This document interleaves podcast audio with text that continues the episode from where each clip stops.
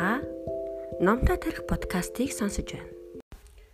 За өнөөдөр та бүхэндээ Монголын шилдэг өгүүлбэрүүд гэсэн 1981 онд Улсын эвлэлийн газар хэвлэгдсэн номноос өгүүлэг уншиж өгнө. За энэхүү номыг болвол Монголын зохиолчдын эвлэлээс 1981 онд хэвлүүлсэн Монгол Ардын Хувьсгалын Яруу алдарт 60 жилийн түүхэн ойд зөрүүлэн гаргасан бүтээл юм байна. За энэхүү номны редакцийн зөвлөлд Д наван сүрэн, Ил чойжил сүрэн, Ис Дашторов, Ис Эрдэнэ, Ис Удвал, Д мегмар нар ажилласан байнамаа. За энэхүү номыг эрхлэн гарах болсон шалтгаан нь бол мэдээж 1921 онд ардын хувьсгал ялснаар монголчууд маань харахгүй бүдүүлэг байдлаасаа чөлөөлөгдөж дэлхийн хөгжлийн өндөрлөх тэр хүрх ертөнцийг нээсэн үйл явдлаа гэж тухайн үеийн шинэ үеийн уран зохиолчд маань үзэжсэн байгаа юм. За ингээд өгүүлгээ уншиж өгөхөөс өмнө а тухайн өгүүлгийг бичсэн зохиолчийг одоо багахан танилцуулаад явах юм байна. За Дашторжийн нацагт орж Монголын орчин үеийн утга зохиолын үндсийг тавигч их зохиолч Дашторжийн нацагт орж нь 1906 онд хуучин Түшээт аймгийн Дархан Чивангийн хошуу Идүүгээгийн Төв аймгийн Баян дэлгэр сумын нутаг Гүн Галуутай гэдэг газар ядуу тайжийн гэр бүл төржээ. 1921 онд ардын хувьсгал ясны дараа нийгэм улс төрийн ажилд идэвхтэй оролцож хувьсгалт шин соёл урлагийн ажилд чармаан зүтгэж байсан. Дэ нацагдарж зүйлт холбоотолон Германд хэдэн жил суралцаж өрнөдийн соёлын шилдэг өв сантай гүнзгий танилцсан нэг юм. Монголын зохиолчдын байгууллагын анхны нарийн бичгийн дарга нарын нэг дэ нацагд орж уушиндар сандоо амбаны харгас явдал гих мэт жүжгүүд учиртай гурван толгой дөөр миний нутаг од октябрь зэрэг олон арван шүлэг хуучин хүү цагаан сар бах хар нулимс харанхуй хад зэрэг өгүүлбүүдээрээ алтаршжээ. Дээд цацагдарж Орсын болоод дэлхийн сонгомол зохиолуудтай монгол уншигчдыг анх танилцуулж А.С. Пушкины Гилбрийн хатан буудалсан нь Эдгар Погийн Алтан цог зэрэг зохиолуудыг Орос герман хэлнээс орчуулжээ. Дэ насаг доржийн зохиол гадаад дотоодын олон хэлний орчуулагдсны гадна түүх зохиол нь зөвлөлт холбоот улс энэтхэг герман зэрэг олон оронд хэвлэгдэн гарсан байдаг юм байна. За ингээд даш доржийн насаг доржийн хуучин хүү өгүүлгийг хамтдаа уншъя. Хөдөөгийн байдал шалдар болдар цагийн уйлрал ороо босоо. Илсдээ шанд буттай цайдмыг дагаж хаяа нэг хар гэрээс утаа сунаглана. Дөрвөн зүг цөв цэв цэлийн уйтгартай цагаан үнээр тунана. Зуны лүгхийн халуун эсхийг гэрийг шарж малчин хүний сэтгэлийг бухимдуулна. Айлын хаягаар өхрийн бас үргэлжилжээ. Үүгээр түүгээр хідэн тугал оодгонон давхина.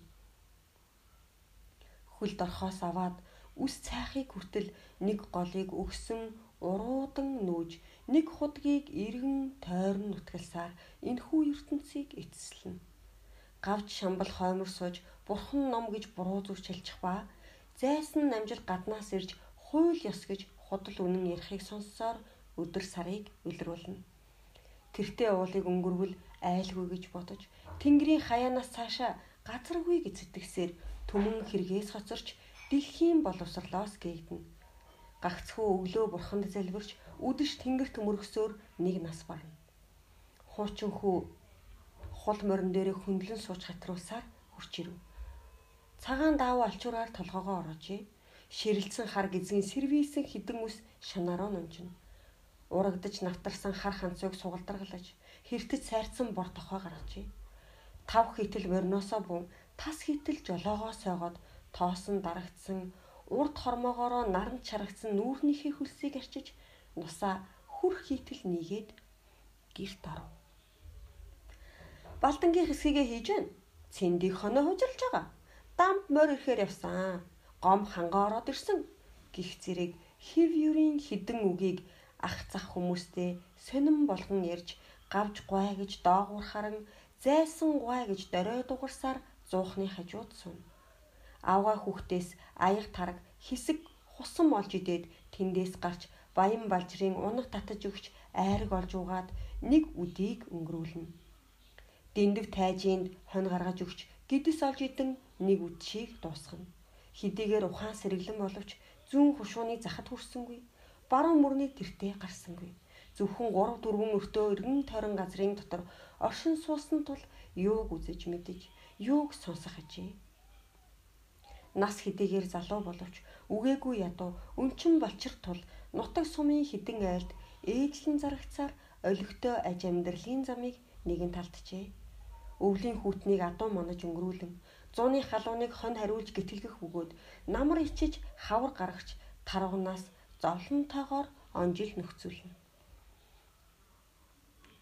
Өтгөс хуучид энэ хоёрын үгнээс бас үнэн юмгүй. Өвөлжөө туслан хаваржаа намаржаа энэ дөрвөөсөөр явах газаргүй гэж санаж хөмөрсөн тогооны доторхтой адил хөдөөгийн бүддүүлэг байдалд хүмүүжнэ. Юутай гомдолтой зэрлэг амьдрал, юутай хайрлалтай залуу нас, юунд шин ертөнцийг үзхийг үл хүснэ. Хүмүүжлэн ийм гунхралтай байдлыг хуучин хүү өөрөө бас яахан мэднэ. Хуучин феодал ба лам нарын гайг мөн хэрхэн танина. Дэмийл дадсан байдалд автагдаж зовлон нь жаргал зэрэлгэн цэнгэл болоод нэг аймаг улсын ихэнх хуучин хүүгийн адил нүдэн анж чихээ бүлэн ертөнц гихч чухам юу болохыг үзэлгүй мэдэлгүй хөндөй талд хоосоор хоцроход тулжээ. Хайрын хайрын хайрын хөөхий хөөхий Гэтэл хуучин хүүгийн нэг нөхөр нь хувьсгалын буух тавьсан өдрөөс эхлэн хүмүүсэн тогооны дотор гэрэл тусч нэг аймаг улс сэргэв. Тэнгэрийн хаяанаас цааш газар байдгийг мэдэж 5 далай 5 дивий твийг танин шин ертөнц дээр хамт явах замыг нэв. Хөх Монгол, улаан Монгол болов. Хуучин хүү, шин хүү болов. Юутай завшаан, юутай баяр. 1930 он. Та Номтой тарих подкастыг сонсож байна. Дашторжийн нацаг дарж зохиолч маань 31 хэн насалсан ч гэлээ. За энэ богинохон хугацаанд Монголын утга зохиолын салбарт яруу найраг үргэлжилсэн үгийн зохиол, жүжигийн зохиолыг бол тухайн цаг үеийн нөхцөл байдлыг тод томруун тусгасан. За мөн дээрэс нь шин цагийн утга уран зохиолыг дэлгэрүүлэхэд хүчин зүтгэсэн юм гавьяатай уран бүтээлч юм. За энэ хөө зохиолчийн үзэгдээгүй юм хэмээх өгүүлгийг хамтдаа уншъя. Үзэгдээгүй юм. Хангаан сайхан нуруунаас гарсан эдрийн сайхан гол өндөр уулнаас буусан тул урсгал түргэн түргэн бас л хөгжимшиг шүүгэн. Хажууд нь суун чагнахад үнэхээр тааламжтай. Хүний өнгөрүүлэх зам ямар болохыг юунд урдаас тайлбарлаж үлгэнэ энэ тунгалаг ариун мөрөн хичнээн мянган жил хев хിവэр урсаар байтал эрэг дагуу оршсон ёс гэтэл хүн амтны түүх байн байн хувилсаар ирэх нь тэмцээний үр гэжээ. Орчин тойрон зэрэглсэн уулс бэр хөндөр сэрүүн хад сэхийлцэн сахаалтсан сүр жавхлан хитрхи ой шуу нягт зузаан ус булаг хоржигнан хуржигнан хавцал хаднаас асгарах хархираа хүрхрээ цөмөр эдрийн голд сутгах бөгөөд түүний цэнхэр уснаас уухад дотор сэнгэнэн сэргэн. Хараахан төмөн бодис дэлгэрхийн үс зуны тэргүүн сарын шиндээр дорнод уулын сэрвээ дээгүүр үүрийн шар туяа гэгээр нь тусмагц. Энтэй уулын орой дээр хөхөө шувуу яруухан донгодоход адуу мансан хүн түүний дууг сонсон байсаж бас баясан сонсно. Өглөөний нар оргин гарч ирэхэд голын ихэндх саруул хүндийг ирэлдэж ариун агаар татан үнэхээр зуны амьсгал анхлах бөгөөд дэрэгдэх цэцэг өвсөнд нэмгэн цагаан хируу гэлтанаад тэртээ ойд ногооны үнээр залгалтах нь даруй нүүдэлчин малчин хүний сэтгэлийг хөдөлгөнө. Ийм нэгэн сайхан өглөө Идэр голын өмнө этгээд нэг сэргэлэн динжийн дээр хідэн цагаан гэр цэмцийн үзэгдэж айл бүрийн тооноос хөх утаа савсан таван хошуу мал хаяагаар нь үргэлжлэнэ. Удалгүй хотон дотроос нь 4 5 100 хон гарч бэлчин бушуу бушуу алхаж баруун зүг зүтгэнэ. Гэтэл нэг залуу хүү баруун өмнөд гэрийн хаяанд сойсон нэг үрээгээр мордон хоньны хоноос давхиж ирээд үүгээр түгээр нь хашгирт зална. Үзвэл нас 23 4 хэр нүүрэндээ цогтой нүдэндээ галтай шав хийсэн хархуу байлаа. Хөх дайланбан дээлийг өмсөж шар ногоон дурдан бүсийг ороосон бөгөөд гизэггүй орс схемалгааг хилтгий тавьжээ. Бяцхан хар үрээ номглон тул тогтож ядан годооно. Болд хүү тас тас гуйдан жолоог докторн хөндлөн сууж хоньны хоноос алхуулна.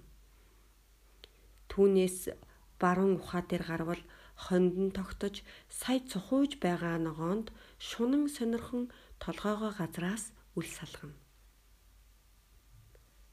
Хажуугийн ингэрт болд бууж халтар үрээгээ тушиж тавиад хатан дээр сандайлж ийш тийш харж эргэх цагийн үлрлийг гайхна. Тэргүүний дээш хандвал дөрвөн зүг тунгалгаар цэлмээд тэнгэрийн хязгаар асар өвтгш болжээ. Дөрвөн зүйлийн малууд эн тент сүрэглээд өвсний соргог усны тунгалгийг даган бэлчинэ дөрвөн үлрэлийн гайхамшиг найртай сайхан зуны цаг ирэхэд үнэхээр хүн төрлөختөн төмөн бодисын толгой сэргэнэ.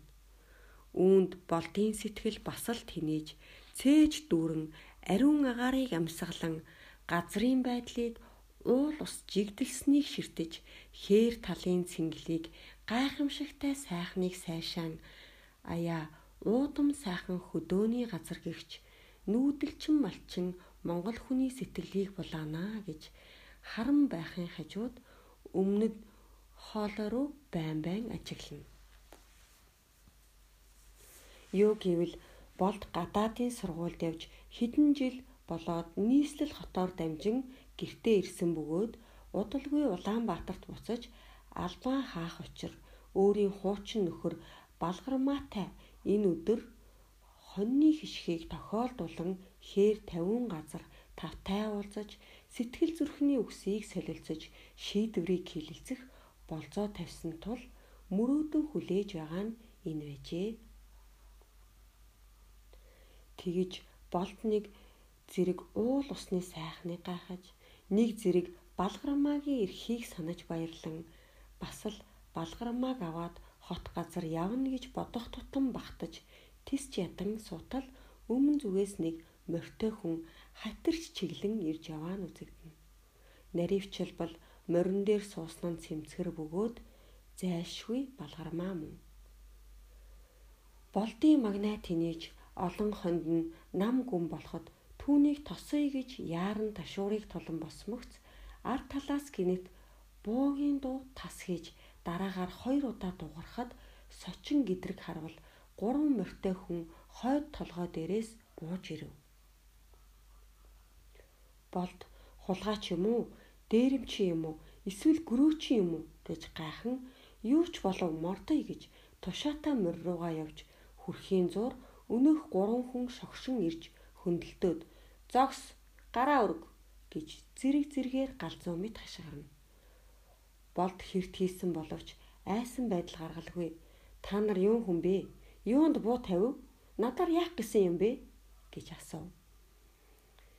Тэднийг нэгд нэгнээр сайтар ажиглавал нэг хөх царайтай хижээл хүн шар торгон дээлтэй байтлаа. Хүүхэн хүний хоргоо хамжаарыг өмснө нь ши янгуунд гарагчд шиг хүзүүндээ өнгө бүрийн хэв хадгийг уйсан нь хэрж тэнэгч бадарчин шавраачин шиг.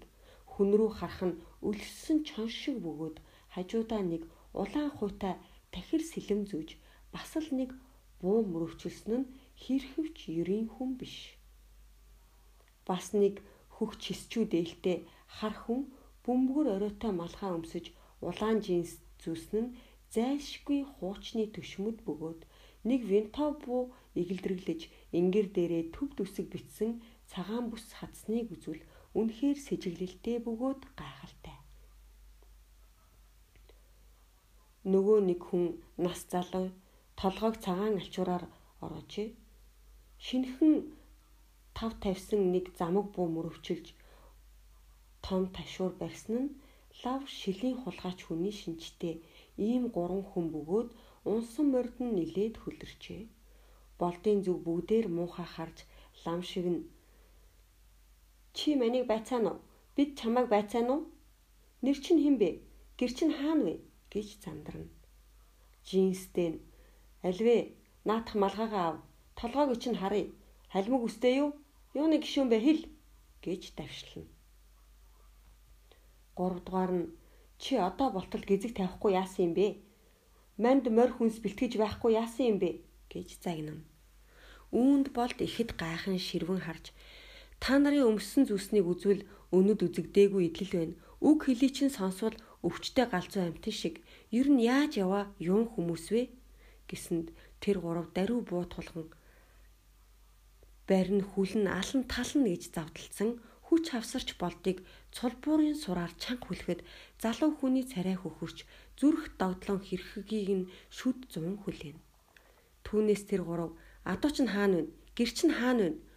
Ойр хав хоршоо байдаг уу? гэж хүлгийг чангаруулan байцаахад болд тэдхийн болохын байдлыг нэгэнт мэдсэн бөгөөд залуу хүн зүрхтэй тул нэгийг ч зааж ис өгсөнд тэд морин дээр нь мордуулж яаманд аваач нь гэж хөтөлж хүнс хийн гэж хонин дотроос нэгийг шилж бөхтрөөд баруун зүг явах үст хажуунаас балгармаа хурч ирэн хөндлөлтөн зогсож болд руу ирэхэд болд дув дуугүй түүнийг ширтэнэ. Өнөөх гурав хүүхний нэр усыг асууж мөн л ийм тимийг сургалахад хүүхэн айсан тул мэдхгүй мэдхгүй гэхээс өөр хариу үл гаргана. Үүнд тэд нэг зэрэг зандран төрөмгийлсэн боловч дараагаар бяцхан номхорч мантай яв жанжны хатан бол гих үг эхлэн ёсон бусчлах байдал гаргахад балгармаа жолоог чангаа барьж холхонцгосно. Энэ үед болд сэмхнэр нүд төгсөнд балгармаа даруй учрыг мэдэж морио гуйдан зүгтаан одсонд болдыг хөтөлж явсан нэг хүнээс бусд нь хойноос нь хөөсөн боловч балгармаагийн морь сая барьж унсан тул цахилгаан мэт гялалзан оддов. Үд нэгэнд хэлбэж өглөөний цэлмэг тэнгэрт бараан үл тал талаас хуралдаад бороо орох төлөвтэй болж жихүүн салхи сэр сэр салхилна. Болд тэр гурвын дунд хөтлөгдөн явах бөгөөд хүлгийн сурн маханд шигдэж зүс царай нь улам улам шарлан инлэнэ. Хаа наваачих юу болохыг мэдэхгүй галран хаяа хаяа тэднийг муухай харна. Харилцан ярилцахыг сонсвол энэ жанжин, тэр жанжин, тийм хувилгаан, ийм дар ийм дар их гэлцэх бөгөөд бас л ингэж албал бахтай, тэгж албал таатай гэж өгүүлэлтэх нь чихэн сонсогдоход айгүй. Нар баруунтай хэлбэх үст нэг уулын савыг өгсөн явсаар удалгүй тэдний үүрлсэн газар хүрв нэг бяцхан хийдийн дуган сүмийн алтан ганжир орой нарны гэрэлд үсгэлэнтэйгээр гялалзаж мөрөлчин ардуу сэтгэлийг нэвт цацрах боловч түүний дэрэгдээс амтэн хүнийг алах бузар яргачин гарна гэж хин хэрхэн санана. Тэр хийдийн хажууд үүдэн дээр нь шүхэр туг ба хэмэр зэргийг хийсгсэн хідэн гэрийн хооронд ир им лам хар хідэн зуун хүн ийш тийш бужигналдах ба эн тэнд хэсэг хэсгээр бүлэглэнэ зүүн гэрийн хажуугаар өнгөрөхөд гав гинж хангинаж хүн гаслах дуу гарan бас шаахаа тас нисгээж хүний яолох холоо сонстно. Болд хүн болсоор ийм юм үтсэнгүй тул үнэхээр нүд талтарч сэтгэл сэржигнэн зүүд зэрэглээ үлгэр домог мэт гайхна.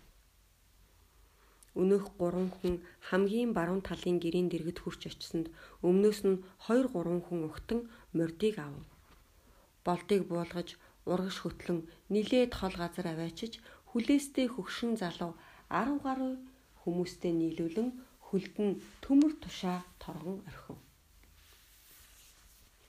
Болд урд таниагүй хэн болохыг мдээгүй боловч өөрийн шин нөхөд болох тэдэнтэй мэдлэн ямар юмд орсон болох учрыг асуувал олонх нь дуу гарч чадахгүй нэг хоёр хүний дорой дугаар өгүүлэх нь үххийг хүлээж байгаа бөгөөд баг тамлуулж алуулбал заяа тэр гэлцэн.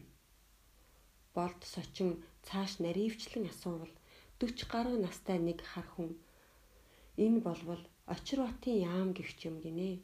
үзвэл очир там гэж ярилцдаг мөн шиг байна. Миний хүү хотод алав хаадаг тул баригдаж ирэн байцаалгасаар дөрөв хоног. Эд болбол саяхан хэд хоногийн дотор гараад ойр хавийн хүм малыг сүйтгэн байна. Их төлөв лав хумраг хуурах хүмүүс алах талхаас өөр юм итгэхгүй зэрлэг араатан шиг загнах ийм аюултай юмыг ер үдсэнгүй гин.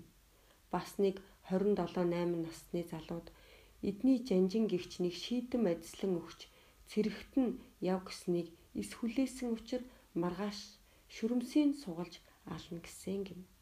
Зүүн талын хацрын шарах бүхнийг асуувал өчигдөр най шаахаад улсаан гэж олон үг хэлэлцэж чадахгүй. Болд эдгээр байдлыг үзэж сонсох тутам мөн хүмүүсийг хайрлан инэрч нэгүүлсхийн хамт тэдний харгас тогшинг гайхаж ядах бөгөөд хоосоор сэтгэл эвдрэн байх үес баруун гэрээс өнөөх 3 хүн бас 3 4 хүний хамт гарч ирээд нүдээ бүлтийлгэн шүдээ ярзайлхан тэдгээр хүлэгтэй хүмүүсийг би үүнийг ингэж ална. Чи түүнийг тэгж ал гэж заан хэлэлцэх нь үнэхээр мангас махчин гихч шиг. Гэтэл нэг ногоон дээлтэй хев хадаг барьсан хүүхэн тэдний дунд салбагнан явах бөгөөд хооронд дуугархын сонсвол дар их гин алцсагнан болдын дэргэд ирж би үүнийг маргааш ална гэж маузер буугаар чичгэн инээдтэй ийм үлгчин бас явалцсан. Өнөө өглөө гарсан болд мөн үдэш санамсаргүй буугийн аманд тохиолдоод байгааг хэн олж мэднэ. Үдийн хон ирсэнгүй. Бас үгүй болоход болтын гэрийн хүмүүс гайхан ядаж морио алдвуу юу болов гэж дэмий эргцүүлнэ. Гэтэл нар шингэх үед балгармаа хурч ирээд болд буцаж ирсэн эсхийг асуухад тэд ихэд сочин идүүгээ хүртэл ирээгүй гэх бөгөөд ямар учир болсон төлвийг балгармаагаас сонсоод болдын эцэг ихч хоёр морь имэйлэн даруй ирэхээр явв. Тэдгээр хүмүүсийг дээрэмчин буюу зандалчин гэж хэлэлцэн хүүрнэж байхад зүүн айлын гонгор тайж суулцаж байсан билээ. Энэ хүн бол хуучин цагийн нэг феодал, нодлон өвөл ба мөн хавар тариатын хүрээд хид орохдоо ихээхэн лам нартай удаа бүр учирч эсэргүү гаргахын үнэрийг баг мэдсэн боловч баахан айж дув дуугүй чагнан суусан хүн тул энэ мэтийг сонсоод тархинд нь гэрэл тусч хөл дэгдэн тэсэхгүйдээ арга гаргаж болдын тул лам нараас төлөв үзүүлж эрийгэж шалтгаалж хуучин янзын дээлээ өмсөн жинсээ сэмхнэр өвтлэн яаран мордож хүрээний зүг яв. Гонгор явах зам нэгэнд харанхуй болж бүдэг бараг одны сүүмэлзэх гэрэлд бодож санаж явах нь хуучин засаг болбол дээцийг бялдуучлан дооцыг дарлана гэж зүрхэн дэлдэх бөгөөд айл аймаг сууга болдыг туслах бас харин тэр өргөдвөл гэрийн хөвшөд бүсгүйчүүдийг мэхэлж дарлаж хөрөнгнөөс нь завшина гэж шүлс цовруулж цээж нь урагш тэмүүлэн бүхцэн шогшно.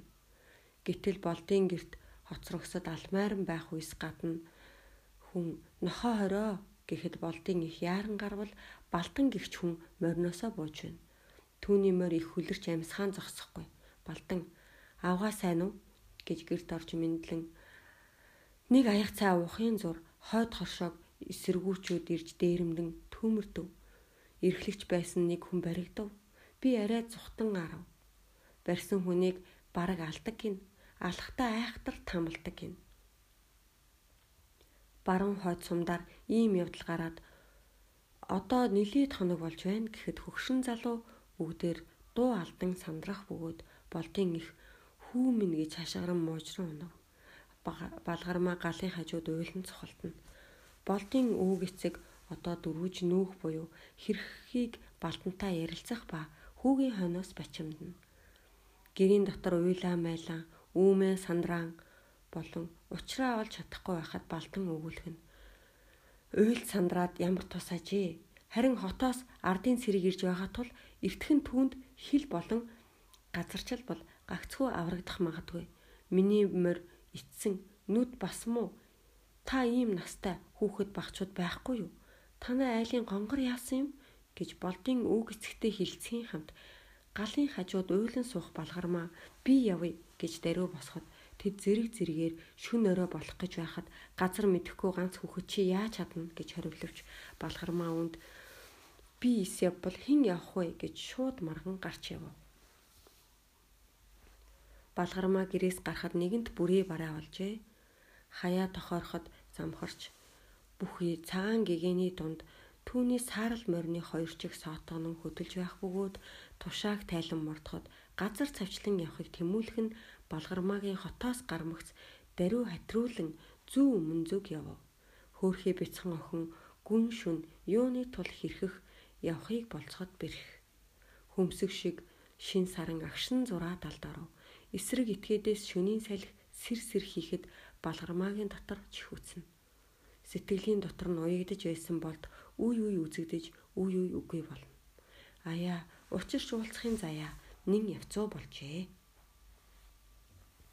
Өндөр давааг өгсөн гүн айн дотор ороход хав харанхуйн дунд инхэл тонхол өргөлж тохиолдож эн тэнд тас няс их чимээ гарan морь байн байн зог тусах бөгөөд түүнээс зам алдаж шивэр модны дотор дөрвөн зүгийг ялгахгүй хүн олонд тусыг хүргэн гиснэнд харин эзгүй хээр газар чон араатны зууш болоход бэлтгэгдэж цухалдан айх цочих үргэлжлэн байтал гинт модон дотроос буун дуугарч түүний сум толгоо дээгүр сүнгэнэн өнгөрөхөд морин бусхан тогтож ядан байхын зур хажуугаас нь хоёр цэргийн хүн тулж ирэн буу сумлан балгармааг юун хүн бэ гэж зандархад балгармаа ардын цэрэг болохыг таних нэгэн зэрэг баярлаж бас л сүрээс нь айн хэртгэж учир байдлыг тоочин хэлсэнд харуулын цэрэг байлдааны дүрмээр түүнийг барьж штабын газар хүргэв.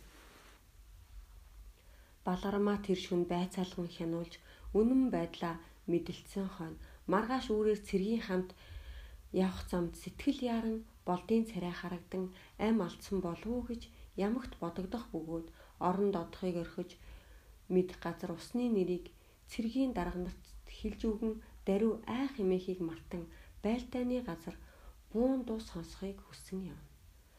Ирээдүйн хэргийг яахан болсон. Юу болохыг хэн мэднэ.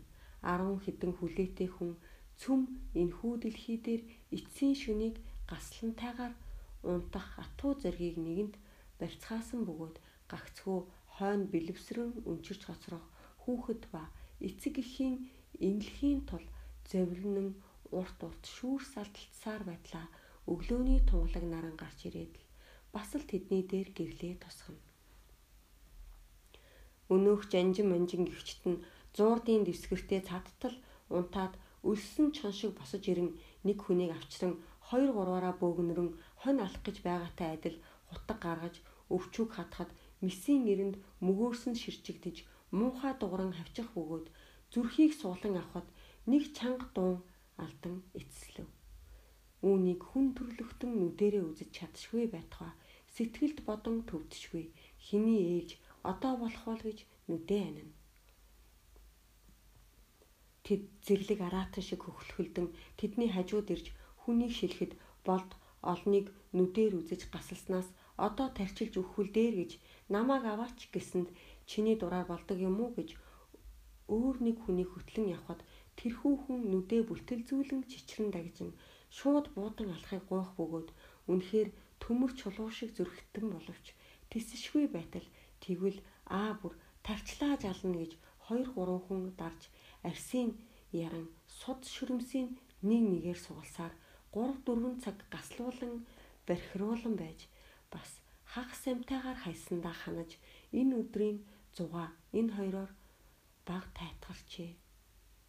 Аяа зэрлэг тамийн орон гэж өгүүлдэг байдаггүй юм харин энд гардаг байжээ. Их болсон 6 зүйлийн амьтны тусын тулд гисэн лам нараас ийм тимийг харин өгүүлдэг байжээ. Хідэн хүлээтэй хүн хэдий тус тусын амийг хорлон өгөхийг ирмэлзэвч хөдөлж чадахгүй тул шүнийн харанхуйд өдрийн аюултай тамлал нүдэнд харагдан сэтгэлээс нь гарахгүй бас нэг шүн тарчлана. Хэрхэн инлэвч хүн тул аргагүй үүр шүнийн үеэр өчүүхэн нойрт дарагдаж агшин зуур амгалан болж байтал гинт их буун дуу хідэнтэй дуурахад бүгдээр сэрж чагнуул тэртээ уулын хажуугаас ардын цэргийн тавих их буун дуу яруу сайхнаар дүнгэнэх нь чихэнд яруу сайхан бөгөөд бас л сэтгэл сэргэнэ. Тэдгээр хүлээстэй хүмүүс тус тус баярлан зориг төрж бид алагдавч яах вэ? Энэ муусайн зандалчингуудын даруй сөнөх цаг ирлээ гэж ярилцсан. Жанжин манжин нь босд сандран гүлдэв. Жигсаалын цэргээ бэлтгэх юм болов? Чавган цөвшөд лам мамнаар нь нийлж навсайж савсайлтсан ирэмдэг зэрэмдэг буу сэлэм эвэг хулсан нумсум бялуу шийдэм хүртэл барилан атах шороод тариндуулан үртэлсөөр ардын хоёх цэргийг эсэргүүцнэ гэж хэд хэдэн зун хүмүүс болон хэдэн буутайгаа тулган одох нь инээдэмтэй. Агаарын онгоц нисэн ирэв. Айд сандравч тархан унна. Хуйх тэрэг хүрээд ирэв. Хуйлран гүйлдэж эн тэнд өвхөн. Хоромхон зуурын дотор өөр ертөнц болов.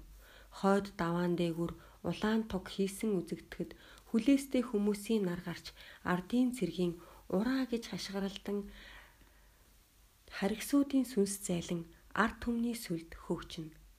Балгармаа хувьсгал цэргийг дагалдан давхиж бахтан баярлах боловч болд яасныг мэдэхгүй дээ бачимдан нүд тавьж алагдсан хүний хүүр тохиолдвол ажиглан үзэж явсаар хідэн цэргийн хамт өнөөх хүлээстэй хүмүүсийн дэргэд ирж хоёр нүднээс нулимсыг гарган болтыг тэрвэн унав.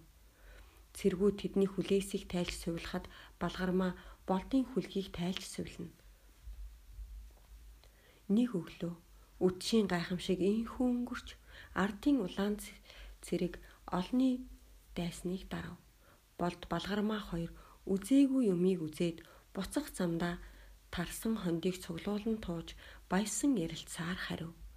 Энэ үе эдрийн гол мөн хിവэр урссаар 1933 он. Та Номтой тарих подкастыг сонсож байна.